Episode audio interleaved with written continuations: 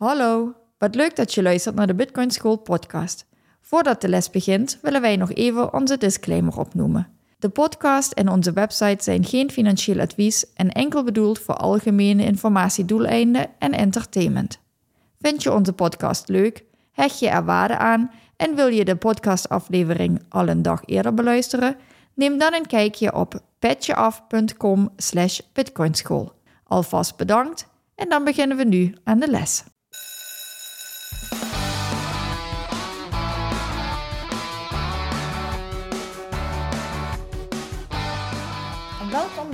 Bitcoin School podcast. In deze podcast willen we jullie de wereld van Bitcoin dichterbij brengen. Dit doen we door Bitcoin op een eenvoudige manier vanuit de basis uit te leggen. In deze aflevering gaat het over wat is Bitcoin? Aflevering nummer 2. Deel 2, ja, precies. Laten we beginnen met hetgeen wat we de vorige keer aan weer vergeten zijn, met de bloktijd. We nemen de, deze podcast nemen we op, uh, op uh, bloktijd 8055559. En als je wilt weten wat we nou precies benoemd hebben, dan kan je de aflevering van Bitcoin en tijd terug luisteren, want daarin hebben we dat precies benoemd.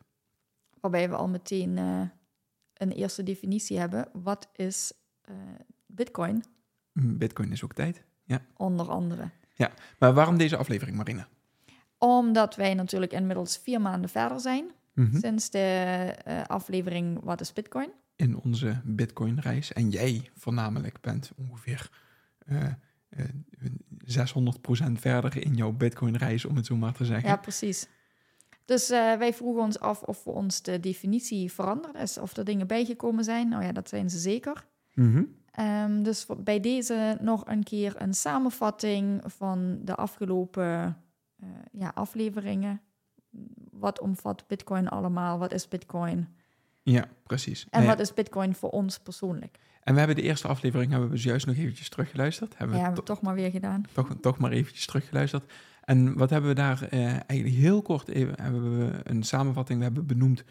Eigenlijk op heel technisch vlak wat Bitcoin nou precies is.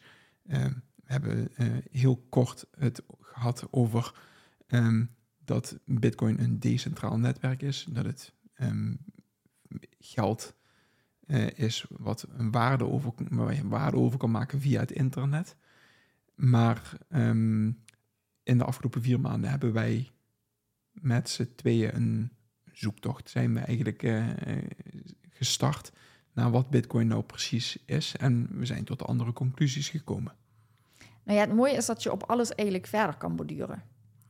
Dus dat het stukje hè, decentraal, daar kun je op verder. Want wat betekent dat dan? En het stukje geld, digitaal geld. Nou ja, wat betekent dat dan? En mm -hmm. ik merk ook hè, in mijn eigen reis, op het moment dat je dan het hebt over geld, dat je inderdaad gaat afvragen, maar wat is geld dan? Wat is dan de definitie van geld en hoe werkt dat dan? En ja, dus je kan zoveel zijn, verschillende... Zijn euro's wel geld of niet? Of, uh, ja, ja, je kan zoveel verschillende rabbit holes in. Mm -hmm. En je had nog een leuk idee. En, en dat is, een leuk idee. een leuk idee is, vraag ChatGPT eens wat het antwoord is uh, op de vraag, wat is bitcoin? Ja. ja. Heb je dat gedaan? Dat heb ik gedaan, ja. Nou. Zal ik hem, uh, zal ik hem uh, voorlezen wat ChatGPT op dit moment zegt? Um, hij geeft een redelijk, redelijk uitgebreide een uitgebreid antwoord. Dus het is, het is niet in twee zinnen kort samen te vatten. Dan kan ik hem ook nog eens een keertje vragen om dat te doen, maar dat gaan we nu niet doen. Hij, uh, Bitcoin, hij zegt: Bitcoin is een gedecentraliseerde digitale valuta, vaak aangeduid als een cryptocurrency. Het werd in 2009 gecreëerd door een individu of een groep onder het pseudoniem Satoshi Nakamoto. Bitcoin opereert op een gedecentraliseerde peer-to-peer netwerk, genaamd de blockchain, wat een gedistribueerde grootboektechnologie is. Hier zijn enkele belangrijke punten over Bitcoin en dan komen eh, negen punten komen eraan. En ik benoem gewoon de kernbegrippen daaruit. Decentralisatie, blockchain, beperkte voorraad, minen, anonimiteit, volatiliteit, gebruiksmogelijkheden, wereldwijde toegankelijkheid en veiligheid. En dan zijn al die negen punten zijn nog iets duidelijker toegelicht. Die hebben nog een kleine toelichting. En dan eh, de laatste wat er dan staat. Het is belangrijk om op te merken dat het begrip en de perceptie van Bitcoin variëren onder individuen, overheden en financiële instellingen. Dus hetgeen waar we in principe nu uh, achter zijn gekomen ook. We maken nou een tweede aflevering, wat is Bitcoin? Omdat we nu compleet ander inzicht hebben over wat Bitcoin is dan vier maanden geleden. En sommigen zien het als een revolutionaire vorm van geld en een technologische innovatie, terwijl anderen zorgen hebben over het potentieel voor illegale activiteiten, regelgevingsuitdagingen en milieu-impact vanwege de energie-intensieve mijnbouwproces, het miningproces. Nou, wat, uh, als je dit hoort, wat uh, vind je wat van ChatGPT? Um, ja, heel uitgebreid. Mm -hmm. Verschillende punten. Ik dacht net toen je het voorlas, dacht ik, oh, dat is echt leuk, want op al die punten kun je weer doorgaan. Dus ik weet niet of we dat nu gaan doen. Kunnen we doen? Ja. Um, ja, en de, en de laatste vind ik dan ook wel weer interessant. Leuk, hè? Ja, over uh, meteen ook weer stukjes vooroordeel en zo die erin zitten. Een stukje FUD. Ja. Fear, uncertainty and doubt. Ja. ja. Misschien moet je die even toelichten, wat dat is. Fear, uncertainty and doubt? Ja, is um, mensen die niet geloven in bitcoin, die vinden het hartstikke leuk en interessant en fijn om zelf gehoord te worden. En wat doen ze? Ze verspreiden um, nepberichten over Bitcoin. Of tenminste, laat ik het zo zeggen, ik weet niet, uh, wij vinden het nepberichten. En iedereen mag zelf voor zichzelf verifiëren of dat het klopt of niet. Ze en belichten het op een bepaalde manier. Vanuit een bepaalde uh, eigen visie, inderdaad. En dat doen ze met beste intenties voor zichzelf, inderdaad, ja. Maar um, ja, weet je, je, je, leest regelmatig in de, um, in de, normale media dat, uh, dat Bitcoin uh, gigantisch veel energie verspilt. En ja, dat is, uh, dat is niet waar. Het verspilt geen energie, het gebruikt energie. En het is ook goed dat het energie gebruikt. En als je nu op het energie-argument um, ingaat, om het zo maar te zeggen, dan, dan zijn er ook genoeg onderzoeken die op dit moment zeggen dat al die energie voor, voor een heel groot gedeelte al hernieuwbare energie is. En dat dat energie is die ja, in andere, eh, die, die, niet het netwerk ingeschoten kan worden. Dus dat zou. Ja. ja. Voor meer dan 50% inmiddels al. Ja, het gaat en, wel richting de 60% volgens ik mij. Ik wou net zeggen, en volgens mij is het daarmee ook de technologie of de branche waar het meest hernieuwbare. Het schoonste netwerk. Energieën vrijwillig gebruikt worden. Ja omdat er geen, uh, ja, niet, niet hè, door overheidswegen of zo het opgelegd wordt, mm -hmm. maar uh, vrijwillig. Ja, maar laten we, zullen we, zullen we de punten die ChatGPT aangaf uh, eens doornemen? Of hadden we zelf nog, nog wat aantekeningen gemaakt waarvan we denken van, dat willen we nog aanspreken? Ook. Oké. Okay. Allebei. Maar in hoeverre is het voor jou zelf veranderd? Uh, je hebt net die aflevering teruggeluisterd samen met mij. Um, inderdaad, wat je zei, een vrij technische uitleg. Ook een beetje het eerste stukje, hè? vergelijkbaar met ChatGTP, het decentrale netwerk. Mm -hmm. Hoe werkt dat dan? Wie heeft het uitgevonden? Ja. En als ik jou nou persoonlijk vraag, wat is Bitcoin voor jou? Um, Bitcoin is niet veranderd, maar ik ben veranderd. Oh, hele mooie. ja, die hoor je wel vaak inderdaad. Ja. Bitcoin is hetzelfde gebleven. En Bitcoin zal over 100 jaar nog steeds in de essentie hetzelfde zijn. Maar ik ben veranderd. En ik ben veranderd met mijn aanzien ten, ten opzichte van Bitcoin. Dus Bitcoin is inderdaad voor mij nu iets anders dan dat het vier maanden geleden was. En dat komt omdat ik uh, met andere ogen naar Bitcoin uh, kan kijken, omdat ik meer geleerd heb over Bitcoin. Dus um, Bitcoin is uh, veel meer dan internetgeld. Hmm. Bitcoin is veel meer dan um, waarde die ik zonder dat een centrale partij daar um, iets over kan zeggen, kan transfereren naar iemand anders. Bitcoin is voor mij voornamelijk um, uh, een combinatie van een, hele hoop dingen. Het is een, um, uh, een, een, oplossing voor een hele hoop problemen die uit het fiat-wereld voortkomen. Uit het, voortkomen uit het alsmaar geld bijdrukken. Als um, we in een bitcoin-standaard wereld zouden leven, zouden we veel minder verspillen En dat is een oplossing die Bitcoin kan leveren. Als we in een Bitcoin-standaard ehm, zouden leven, dan zou er over investeringen compleet anders nagedacht worden dan dat er op dit moment over investeringen nagedacht wordt. Voor een hoop mensen is Bitcoin in het begin nog steeds een investering en een investering om meer euro's te vergaren of meer dollars te vergaren. En dat ehm, op het moment dat je langer in Bitcoin zit, merk je dat je op een gegeven moment die euro's en die dollars totaal niet meer interessant vindt. Ja, het is echt een, een mindset die Ja. verandert. Ja. Ik vind het wel een mooie hoe je dat zegt. En ik heb die ook al vaker gehoord, inderdaad, dat eh, Bitcoin niet verandert, maar dat Bitcoin jou of hè, jezelf dan, dan verandert. En ehm, dat ervaar ik zeker ook zo. Dat hebben we natuurlijk ook in de Rabbit Hole afleveringen ehm, zo benoemd. Het is gewoon één mindblow naar de ander. Je begint met het stukje decentraal en je kan dat ehm, eh, peer-to-peer, hè, kan je het rechtstreeks overmaken en wat betekent dat dan? En het is internetgeld en dan blijft het zo oppervlakkig in het begin nog? Of is Mhm. het hè, inderdaad Mhm. een, een manier om, ehm, eh, om, om ja, je geld te sparen of te investeren of op welke manier je daar dan ook instapt? Los van heel veel andere mogelijkheden die dat ook zijn, hè, want dan zou je ook over vastgoed na kunnen denken. Of dan is het één van veel mogelijkheden. Mhm.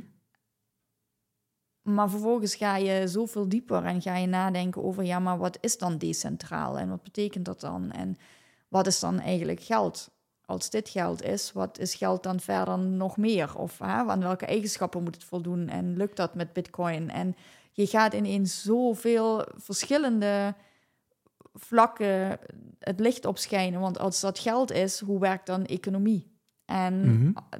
ineens gaat er echt één wereld naar de ander open. Dus ehm, en wat jij ook zegt, als je er in het begin wellicht nog met de, met de ehm, incentive om, om meer geld te verdienen. En hoe meer je erin zit en hoe meer je over economie nadenkt, hoe meer je over onze maatschappij dan nadenkt en over het ehm, low en high time preference wat we besproken hebben. Ja. Ja, hoe meer dat ehm, niet meer zo belangrijk is. Je krijgt een hele andere mindset. Je kijkt Mhm. heel anders naar dingen. Je kijkt heel anders naar de wereld. Of misschien keek je daar al zo op die manier naar.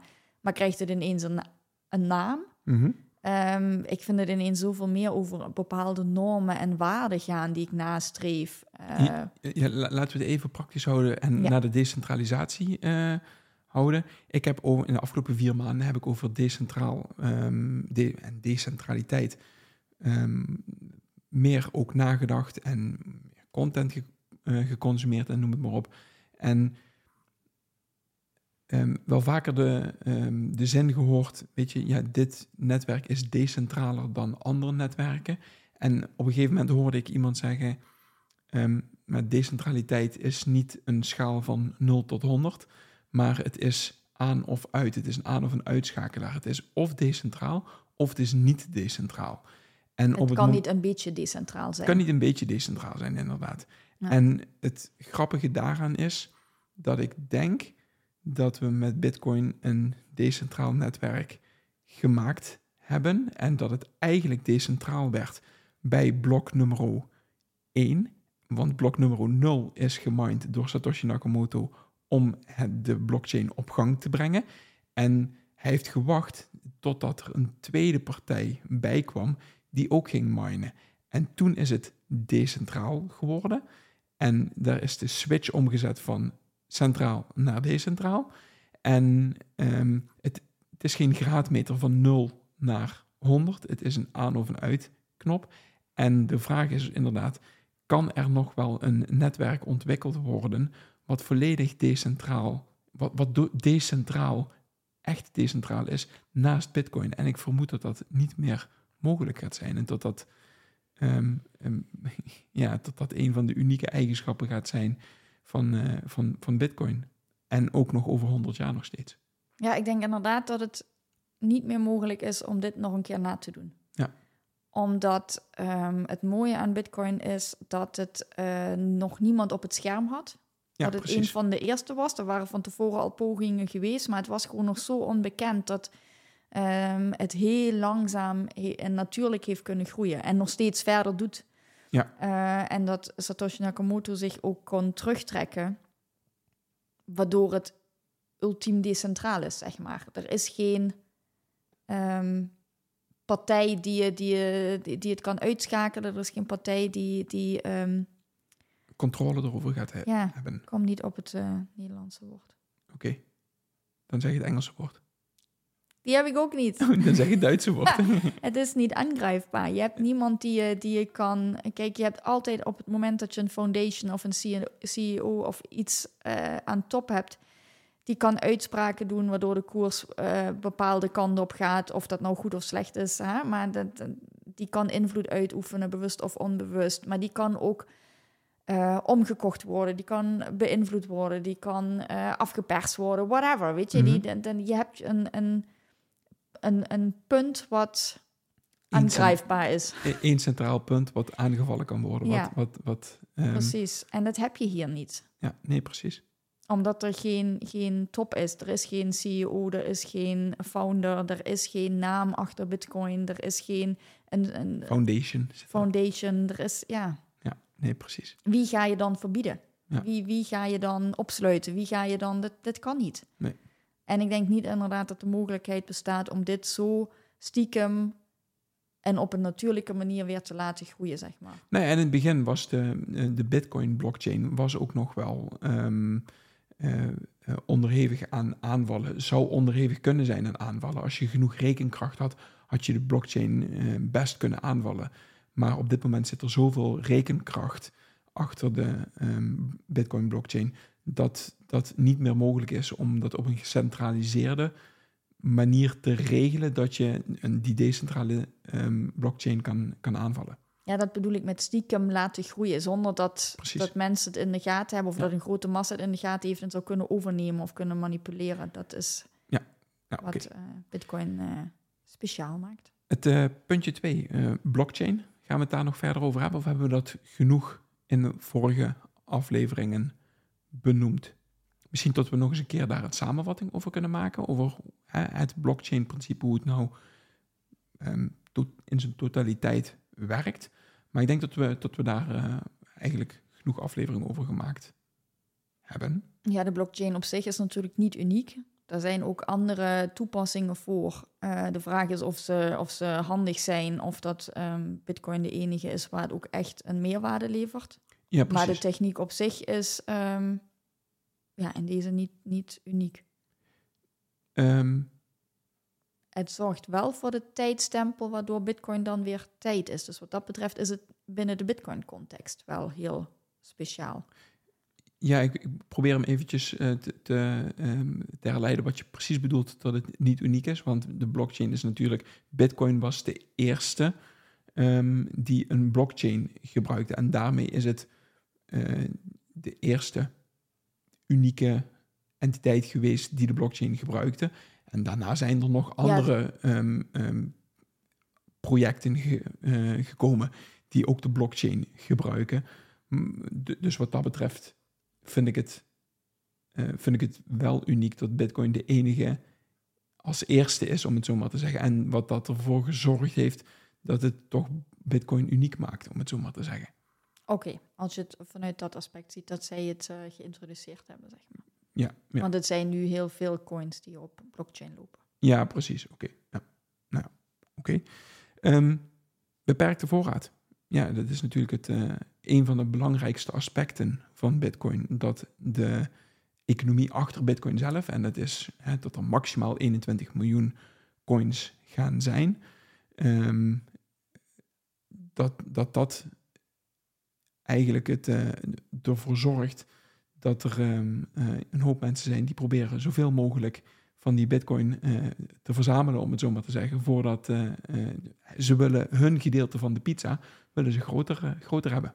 21 miljoen is de pizza en je wil zo groot mogelijk gedeelte van de pizza hebben. Of tenminste, er zijn genoeg mensen die een zo groot mogelijk gedeelte van de pizza willen hebben.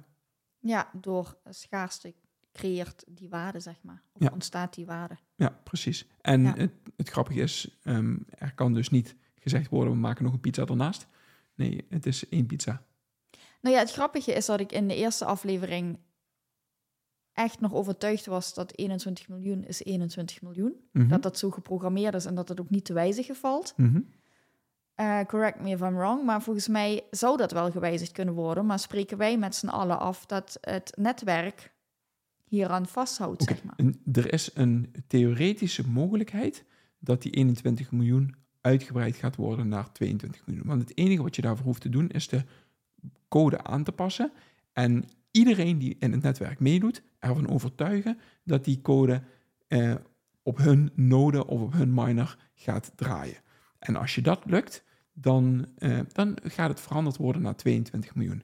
Nou, iedereen die een eigen node heeft draaien, die kan ook beslissen om die update niet te draaien. En als jij een wijziging in de code gaat doorvoeren die het maximum aantal bitcoin van 21 miljoen naar 22 miljoen wijzigt, ga ik hem op mijn node in ieder geval niet installeren als ik een node zou hebben. En dan ehm, eh, heb je al in ieder geval één persoon niet mee. Nou, ik vraag me af hoeveel mensen je wel mee gaat krijgen. Dus de theoretische mogelijkheid is er, maar de praktische mogelijkheid die bestaat er niet. Nee, precies.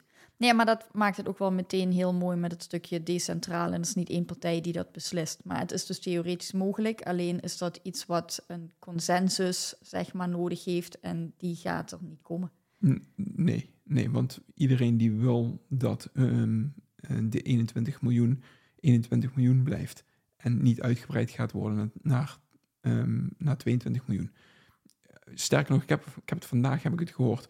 Er werd een vraag gesteld in een van de, van de podcasts die we luisteren van oké, wat nou als over 200 jaar eh, dat, dat je ze een regel introduceren eh, van eh, ja, coins die al 100 jaar niet uitgegeven zijn, dus niet van ehm, adres A naar adres B ver- verplaatst zijn, dat we die weer ehm, eh, terug laten komen in, via mining of iets dergelijks. Hè? Dus dat die weer... Beschikbaar ehm, zouden maken. ja, Mm. precies. En daarover, heeft Satoshi Nakamoto iets gezegd. En dat is coins die verloren zijn gegaan, zijn coins die verloren zijn gegaan. En zijn coins die eigenlijk een donatie zijn aan het complete netwerk, aan mensen die meedoen aan het netwerk. En daarmee heeft hij heel duidelijk aangegeven wat zijn intentie was met coins die een hele tijd niet ehm, eh, verplaatst zijn. En daarmee ook de 21 miljoen als zijn direct eigenlijk als zijn een vaste waarde voor hem ehm, eh, gedefinieerd. Ik vind het eh, nog steeds te gek. En ik blijf me erover verbazen waar die overal aan heeft gedacht. Mooi hè? in de opzet al. En soms vraag ik me ook eh, af of...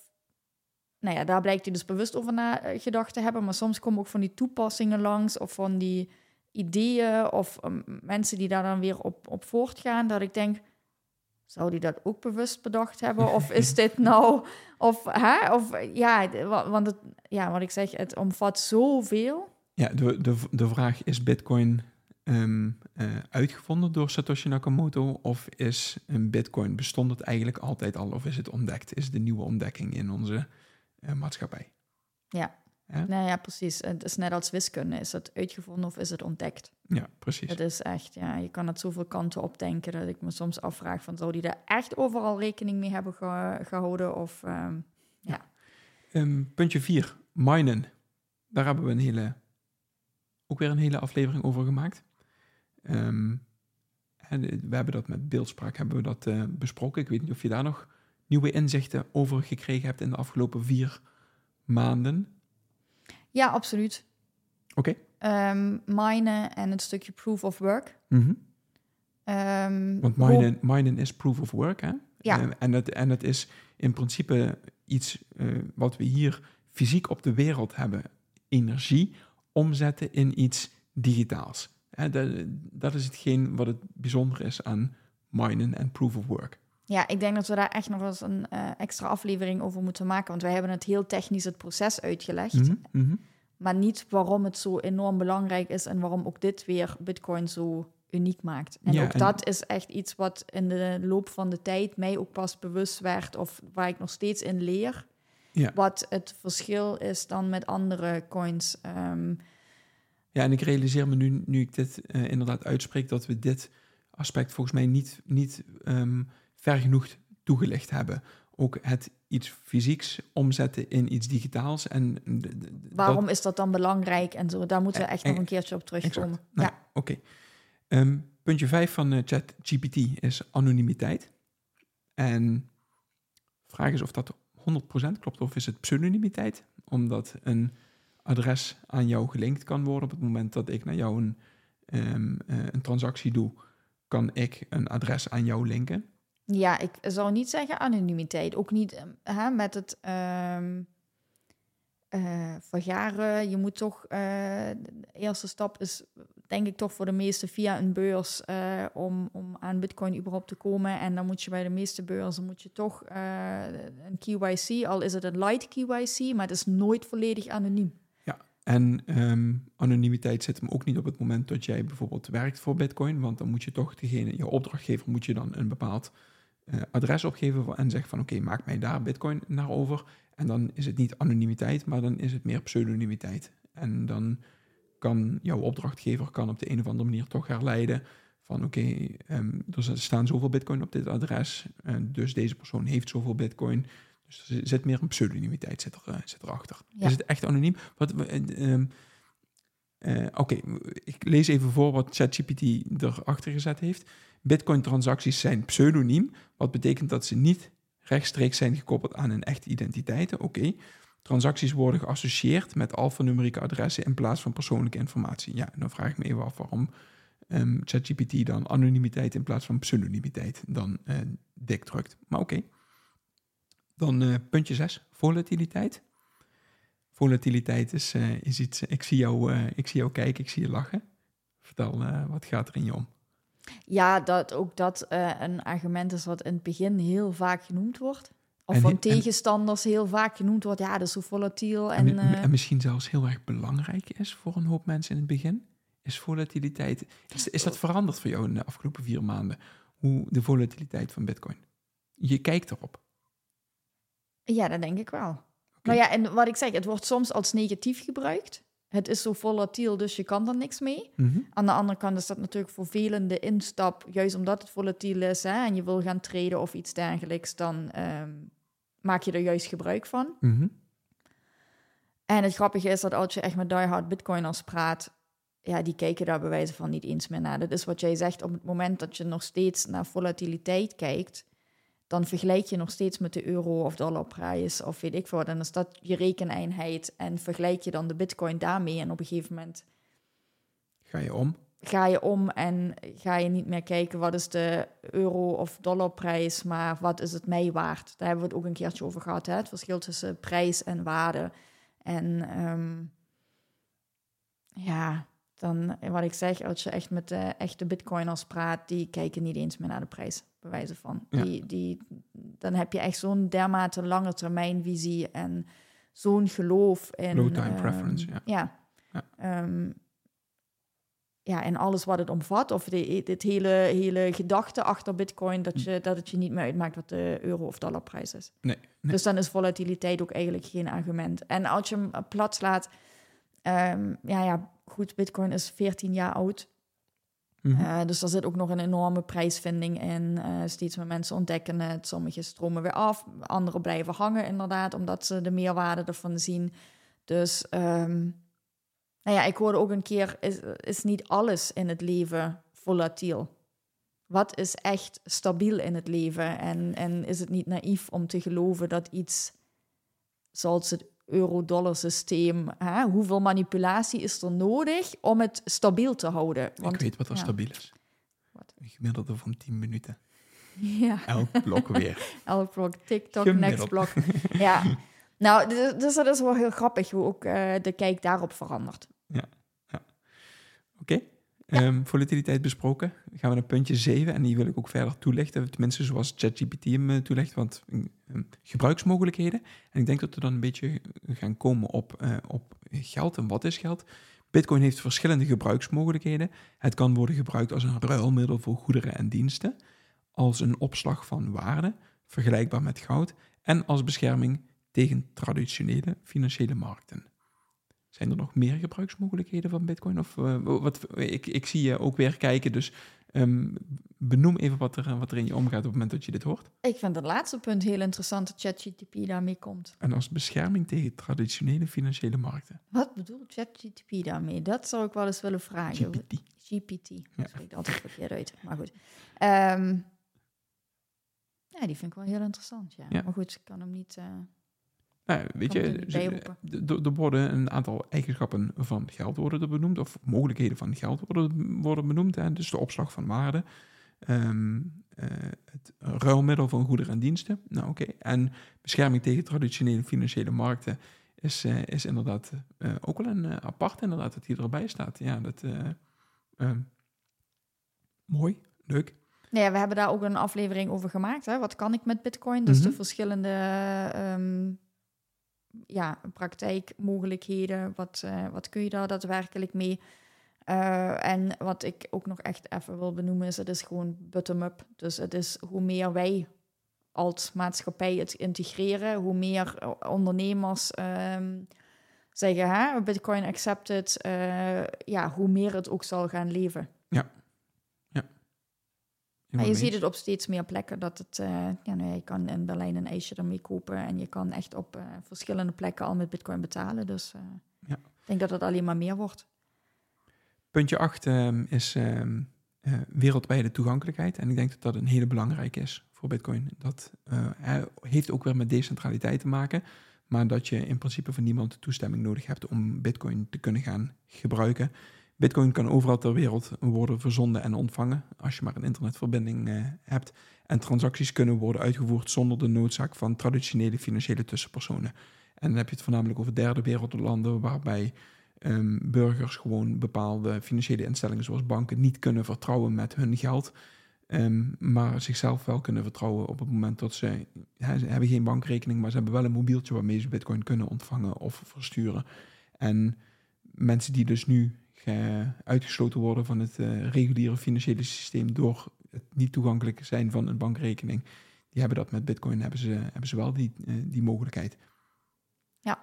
En eh, nou ja, inderdaad, je hoeft niet om te rekenen, je hebt geen wisselkoersen. Het is gewoon, ehm, Je zou dingen een kunnen bitcoin is een bitcoin. Ja, en je zou dingen kunnen eh, pricen. Hè? Je zou een prijs kunnen geven in satoshis van eh, in de winkel. De, het, een, eh, een, een Snickers kost zoveel satoshi. Nou ja, precies. Dus dan, eh, maar dan maak je al de switch die ik net al benoemde. Dan kijk je niet meer naar de prijs of dollar, eh eurowaarde, zeg maar. En Lokale maak je niet valuta, die, ja. ja. of lokale valuta, maar dan ehm, wordt het een rekeneenheid. Ja, precies. En dan ehm, ga je gewoon in, in, in Satoshi rekenen.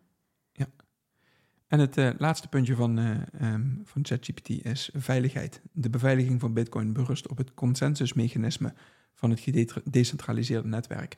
Transacties zijn beveiligd door middel van cryptografie en de gedecentraliseerde aard van het netwerk maakt het bestand tegen censuur en hackpogingen.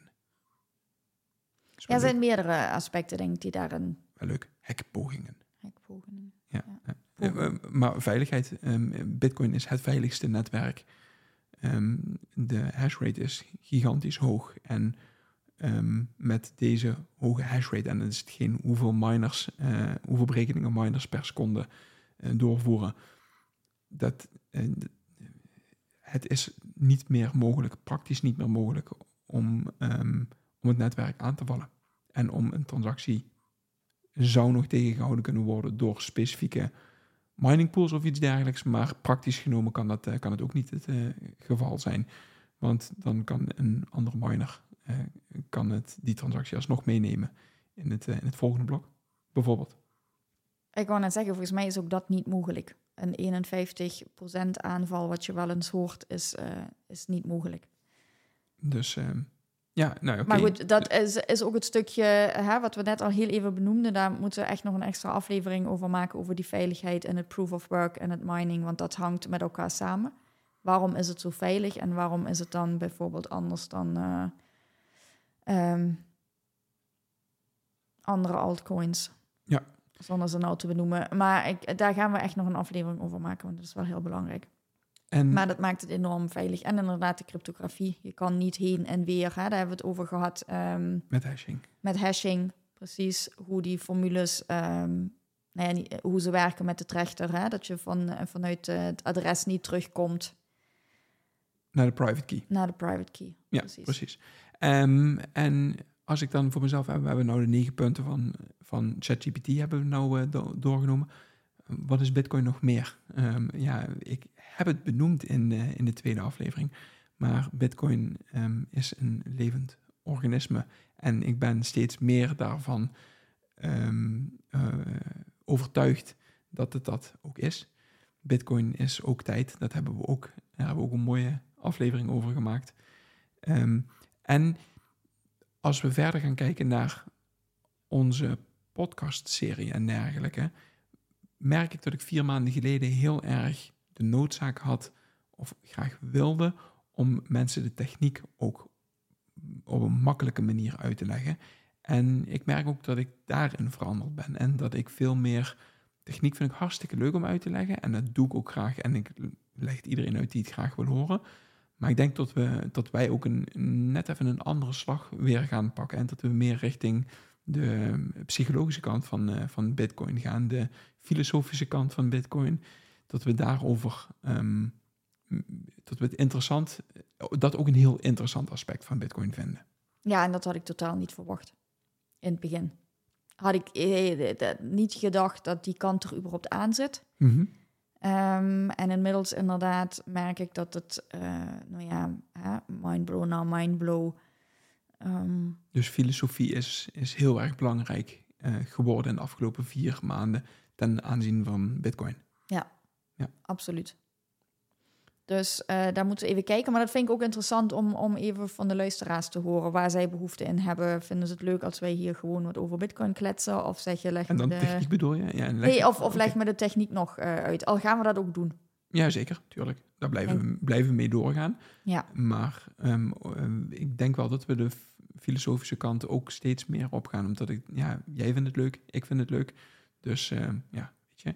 En eh, op die manier kunnen we mensen ook Bitcoin uitleggen.